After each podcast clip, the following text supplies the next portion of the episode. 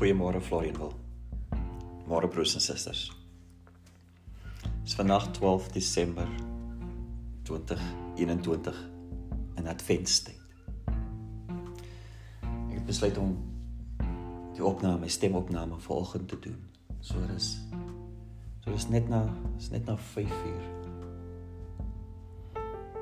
Ek kan by my studeerkamervenster uitkyk en sien die lelies in die tuin, wit lelies in die tuin. 'n wind, windstil dag. Met die voels en natuurlik hier en daar 'n voertuig. Maar hier is die hier is die dag van die Here. En hier is die geleentheid om stil te raak en die Here te hoor. Dit is nodig. Ons kry dit nie gereeld nie. Ons vang onsself dat ons nie stil raak. Vandag moet ons weer. Ons lê oor. En biddelike Heer. Soos altyd Here, is ek dankbaar vir die voorreg om voor U te kom. Stil te raak voor U. En die gebed Here vanoggend. Stuur U lig en stuur U waarheid. Sodat ons Here tot by U kan kom, Here. In spite van ons omstandighede van die pandemie. Getalle van infeksies wat weer styg. Maar ook Here ons eie persoonlike krisisse.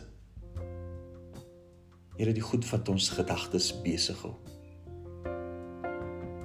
Ten spyte Here van ons eie gebrokenheid. Here sondigheid. Stuur die lig, Here. Help ons om te verstaan. Bring ons tot by U, Vader. Amen. Vriende, genade en vrede vir julle van God ons Vader deur ons Here Jesus Christus en ook deur die kragvolle werking van die Heilige Gees. Teksgedeelte vanoggend is Matteus 1 vers 18 tot 25. Ek sal uit die 2020 eh, die nuutste vertaling van die Bybel sal ek sal ek lees. Matteus 1 vers 18 tot 25 handel oor die geboorte van Jesus. Vers 18. Die geboorte van Jesus Christus het so gebeur. Toe Maria, sy moeder, reeds aan Josef verloof was, maar nog voordat hulle gemeenskap gehad het, het dit gebleik dat sy swanger geraak het uit die Heilige Gees. Omdat Josef, haar man, wetsgetrou was, maar haar nie in openbaar wou verneder nie, het hy besluit om in die geheim van haar te skei. Terwyl hy daaroor nagedink het, en daar skielik 'n engel van die Here in 'n droom aan hom verskyn en gesê: "Josef, seun van Dawid, moenie bang wees om Maria as jou vrou by jou te neem nie, want wat in haar verwek is, is uit die Heilige Gees. Sy sal geboorte gee aan 'n seun, en jy moet hom Jesus noem, want hy sal sy volk van hulle sondes verlos." Dit het alles gebeur sodat wat die Here deur die profete gesê het vervul kon word. Kyk, die maagd sal swanger word en 'n seun in die wêreld bring en hulle sal hom Immanuel noem. Wat as dit vertaal word beteken God is met ons. Toe Josef uit die slaap wakker word, het hy gemaak soos die engel van die Here hom beveel het en haar as sy vrou by hom geneem. Hy het nie met haar gemeenskap gehad totdat sy aan 'n seun geboorte gegee het nie en hy het hom Jesus genoem. Tot sover is die woord van ons Here vanoggend op hierdie Sondag. Dit is my eerste geleentheid om stil te staan by die geboorte en die geboorteverhaal van ons Heer Jesus Christus. Eerste keer hier at Venstead. Afgelope twee Sondae nie in Florianville gewees nie. Daarom was die omstandighede anders in die gemeentes waar ek was. En soos elke jaar en dit herken ek, vind ek dit nogal moeilik. Moeilik om iets niets te sê. Om die ou ou tyding van Bethlehems wondernag nie te vertel. So vandag se boodskap en se stilstaan is eintlik maar net om die storie van Josef en Maria te hoor en stil te staan by hulle gehoorsaamheid. Dis wat ons vandag sal doen. 'n bekende teoloog, Soren Kierkegaard. Hy's van Denmark, Kopenhagen. En hy, hy skryf 'n boek in 1843 met die titel Fear and Trembling. Hy skryf oor geloof, autentieke geloof, authentic faith. En hy sê dat ware geloof vereis 'n absolute verhouding met die absolute. Ek sal dit weer sê. Hy sê autentieke geloof vereis 'n absolute verhouding met die absolute. Die absolute wie wie God is. En daarom as jy daaroor skryf dan sê dit is slegs die gelowige in God. Selfs sonder dat die wet tussen beide kom. Met ander woorde dat die gelowige alleen voor die Here staan met niks anders tussen beide nie. En daarom sal hy 'n voorbeeld maak en sy primêre voorbeeld is die van Abraham. In Genesis 22 wat bereid is om sy seun te offer om sodoende aan God gehoorsaam te wees. Alle wette, so ook in die tyd van Abraham, verbied eintlik hierdie handeling. 'n Pa mag nie sy seun doodmaak nie. Maar sê Kierkegaard vir ons dis dis hierdie absolute verhouding ehm um, wat na vore tree in die, in in dit wat van Abraham gevra word dit wat die absolute, dit wat God van Abraham vra. Dis hierdie absolute ver, verhouding. Dit laat my ook dink aan die profete en die opdragte wat hulle van die Here ontvang het. Hoe die Here beslag lê op die lewe van die profete. Hosea kry die opdrag gaan neem vir jou as vrou 'n prostituut. Sy opdrag wat hy van die Here ontvang. Dink maar aan Jesaja wat van die Here die opdrag ontvang, ontvang om 3 jaar lank hoe sê die 2020 vertaling, kaal en met kaal voete rond te loop. Dis Jesaja 20 vers 3. Jeremia moet by geleentheid, Jeremia 27, moet hy met 'n juk op sy nek rondloop. Natuurlik is hierdie simboliese handelinge, so die die profete moet op 'n manier 'n boodskap oordra aan aan die volk. So die profete se persoonlike lewe word in diens gestel van die Here. Wanneer dit gaan in belang van die koninkryk. En daarvoor daarom is navolging hulle totale bestaan op. Maar ek sien ook iets hiervan in in Maria en in haar gehoorsaamheid aan die Here. Van hierdie absolute verhouding waar hy alleen voor die Here staan. Lukas vertel haar verhaal beter. Hoe die engele aan Maria verskyn, haar roep vir haar taak. God se plan tot verlossing van die wêreld sluit vir Maria in want uit haar sal die seun van God gebore word. In verward sê die Bybel moet sy die woorde, die groet en die verdere woorde van die engel hoor. Moenie bang wees nie, Maria, lees die Bybel. Maar jy het genade by God gevind. Jy sal swanger word en aan 'n seun geboorte skenk. En dan en dan moet sy leer hoe dit alles gaan gebeur en hoe dit alles gaan werk en dat dit die werk van die Heilige Gees sal wees. En daarom sal die kind wat gebore word heilig wees. Lukas vertel vir ons dat Maria aanvaar die woord en sy sê kyk ek is die diensmeisie van die Here mag met my gebeur volgens u woord. Haar hele lewe word opgeneem deur hierdie opdrag. Um daar is die potensiële gevaar dat sy dat haar lewe in in gevaar is. Sy sê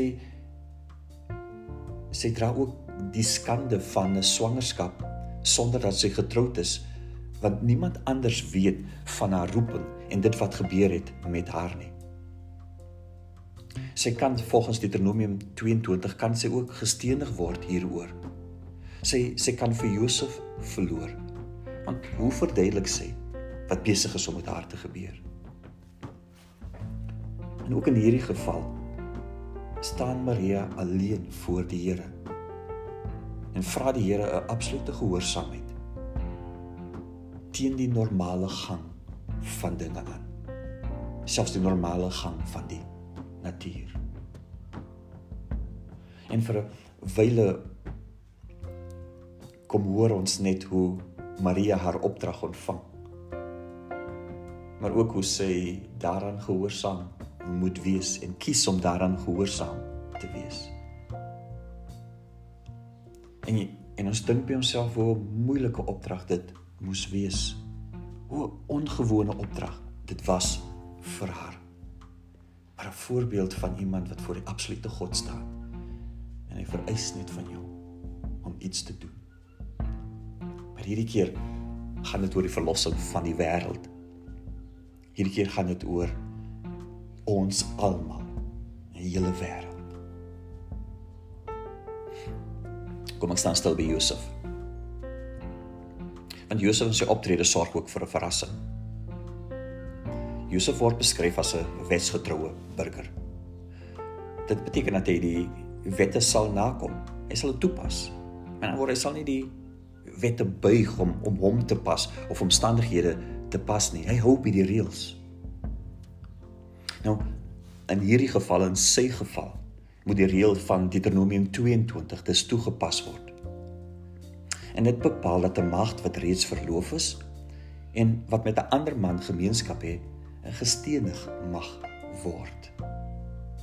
En gestenig moet word sê Deuteronomium. Maar Josef besluit egter om haar nie in die openbaar te verneder nie. Met ander woorde, nie die wet na te kom nie. En hy sal eenvoudig net in die geheim van haar skei haar lewe met ander woorde nie in gevaar te stel nie om genadiger met haar te wees ook as gevolg van die posisie waarin sy is. Miskien het Josef iets verstaan van die God wat hy dien. Jesaja 42 die God wat 'n geknakte riet nie sal afbreek nie en 'n lamp wat dof brand sal hy nie uitdoof nie. Of hy mooi Psalm Psalm 146 waar ons lees van die God wat daar is vir die weerlose. Hy laat reg geskied aan verdruktes. Hy gee brood aan die wat honger ly. Hy bevry die gevangenes. Hy laat blindes sien. Hy beskerm vreemdelinge. Hy help weeskinders en weduwees. En die verrassende as ons die verhaal lees van Josef dan kom ons agter dat hy nie 'n passiewe figuur in alles is nie. Met ander woorde dat hy nie maar net saamgaan met dit wat met hom gebeur nie. Nee, hy is nie passief in die storie van Jesus se geboorte nie. Hy handel met liefde en hy handel met genade. Hy handel met 'n geregtigheid anders as die van sy volk. Wat beteken? Wat mos nou beteken dat Maria aan haar kindjie se lewe nie in gevaar is nie. Dat hulle gespaar word. En sy is sy besluit. Dit is wat hy doen om genadig teenoor haar te wees ons teks vertel terwyl hy daaroor nagedink het en ek en ek en ek weet eintlik maar dat hy daaroor getop het dit wat met hom gebeur ehm uh, en dit wat hy sien en en dit wat hy hoor oor Maria en haar swangerskap uh, en ek, in myself dink ek net dat hy alweer overthink het nê nee? alweer te veel hieroor nagedink het maar dit staan by die engel van die Here aan Josef verskyn en laat wat alles vir hom duidelik maak En dan besluit hy om te leef volgens die woord wat hy ontvang het. Ons sien dus iets van Josef se eie gehoorsaamheid. Ook soos Maria voor die absolute God staan. En hierdie absolute God wat iets van hom vra en hy besluit om dit so te doen. Hy neem vir Maria sy vrou is wat hy besluit om te doen. In beide Josef en Maria sien ons iets van hierdie absolute gehoorsaamheid. Van hulle wat saamhou in 'n absolute verhouding met God gaan. En vandag is my gedagte net om om hierdie verhaal net net so op hierdie manier te vertel. Dat ons weer iets verstaan van die van dit wat gebeur het. Die lewe van Maria en Josef. Van gehoorsaamheid. Gaan God wat vra in eis. En gelowiges wat ja sê en volg. Al sou dit so anders wees. Omstandighede so nuut wees. Nog nooit van gehoor nie net weer vandag het hoor maar ek kan ook nie anders as ek Josef se verhaal lees kan ek nie anders as om ook te dink aan aan die 16 dae van aktivisme teen geweld teen vroue en kinders nie. Dit het al op 10 Desember is dit al 16 dae verby ten einde geloop. Maar iets van van Josef in sy gesteldheid teenoor Maria se verloofde. Weet teenoor wat die gemeenskap sou doen en sou verwag van hom. Maar in sy lewe en in sy verhouding met Maria is daar ingesteldheid oor haar wie wie swanger is, gebroken is, wat dra 'n opdrag seker te groot vir 'n diensmissie. Om besluit om genade te wees. Nie te vererger nie. Nie geweld teenoor haar te betoon nie, al sou dit die wet wees. net genadig te wees. Teen die stroom in te beweeg. Hierdie ingesteldheid van Josef. En dan word Josef wat verstaan wie God is en op grond daarvan handel. Is die ingesteldheid wat daar moet wees in die lewe van mans in hierdie wêreld teenoor vroue. Ag die Here ons help. Amen. En biddelike Heer wat 'n voorreg Here vanoggend om as mense kind Here die Bybel oop te mag maak daaruit te mag lees en daaruit iets te mag verstaan Here dat U ons geestes oop maak om die wêreld Here soos wat U dit sien Here te sien maar ook die verhaal te mag lees van Josef en Maria en hulle absolute gehoorsaamheid aan U. Oor die vreemde opdrag en die vreemde wat gebeur. Hoe Jesus in die wêreld kom. Die een wat verlosser is vir ons almal. Die verhale van gehoorsaamheid Here inspireer. Want terselfdertyd Here ook laat dit 'n mens skuldig voel. omdat Here ons nie veg teen dit wat verkeerd is nie. Teen dit wat U van ons vra nie. Dat ons gemaklik maar net ingee. En daarom Here nie gehoorsaam is aan wat U vra nie. Want dit is te moeilik en te swaar en ek kan nie. Terselfdertyd ook Here as ek die 16 dae van aktivisme onthou nie vir u hoor en nie vir u sien nie soos wat u is nie. En daarom jy ook nie leef soos wat u is vandag teenoor die wat miskien beskou word as swakker as ek myself.